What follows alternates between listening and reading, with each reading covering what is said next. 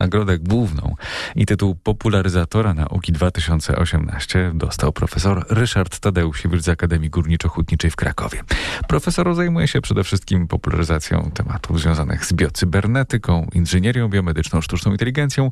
Laureatem konkursu Popularyzator Nauki został już 5 lat temu, w 2013 roku, ale w swoich działaniach nie ustaje. Wydaje książki dla dzieci, pisze felietony o nauce i technice, prowadzi popularno-naukowego bloga i jest też felietonistą RMF Classic oczywiście. W każdy wtorek i czwartek prezentuje na naszej antenie niezwykłe historie odkryć i wynalazków. I w swoim nowym cyklu felietonów opowiada o wynalazkach, które doprowadziły do powstania samochodu. Pierwsze pomysły maszyn napędzanych inaczej niż konno pojawiły się już w starożytności.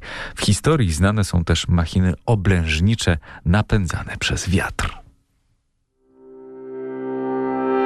Niezwykłe historie odkryć i wynalazków prezentuje profesor Ryszard Tadeusiewicz. Praktyczna realizacja pojazdu, który poruszałby się bez y, napędu konnego, czy bez tego, żeby y, ludzie go pchali, y, powstała w, mniej więcej w czasach, które u nas odpowiadały bitwie pod Grunwaldem. Dokładnie w 1472 roku Włoch Robert Valturio wymyślił maszynę wojenną, czyli taką wieżę oblężniczą. Te wieże były bardzo chętnie stosowane przy oblężeniach, ale były ciężkie i przesuwający je ludzie byli narażeni na ostrzał z murów e, twierdzy, którą usiłowali zdobyć.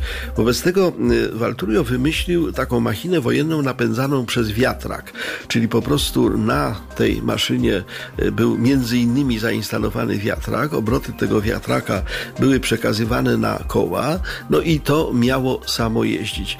Nie mamy szczegółów na ten temat, więc nie wiemy, czy to ta, ta maszyna E, skonstruowana, jak się sprawowała. E, no, e, podejrzewam, że, że mogła być mało sprawna, biorąc pod uwagę, że owa bardzo ciężka wieża oblężnicza musiała się poruszać po no, nieprzygotowanym terenie, po, po, po przedpolu bitwy. Niemniej jednak tego typu maszyna podobno została zbudowana i podobno była w użyciu.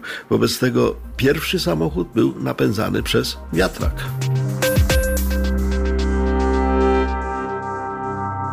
O pierwszym samochodzie opowiadał Wam w RMF Classic popularyzator nauki 2018 profesor Ryszard Tadeusiewicz.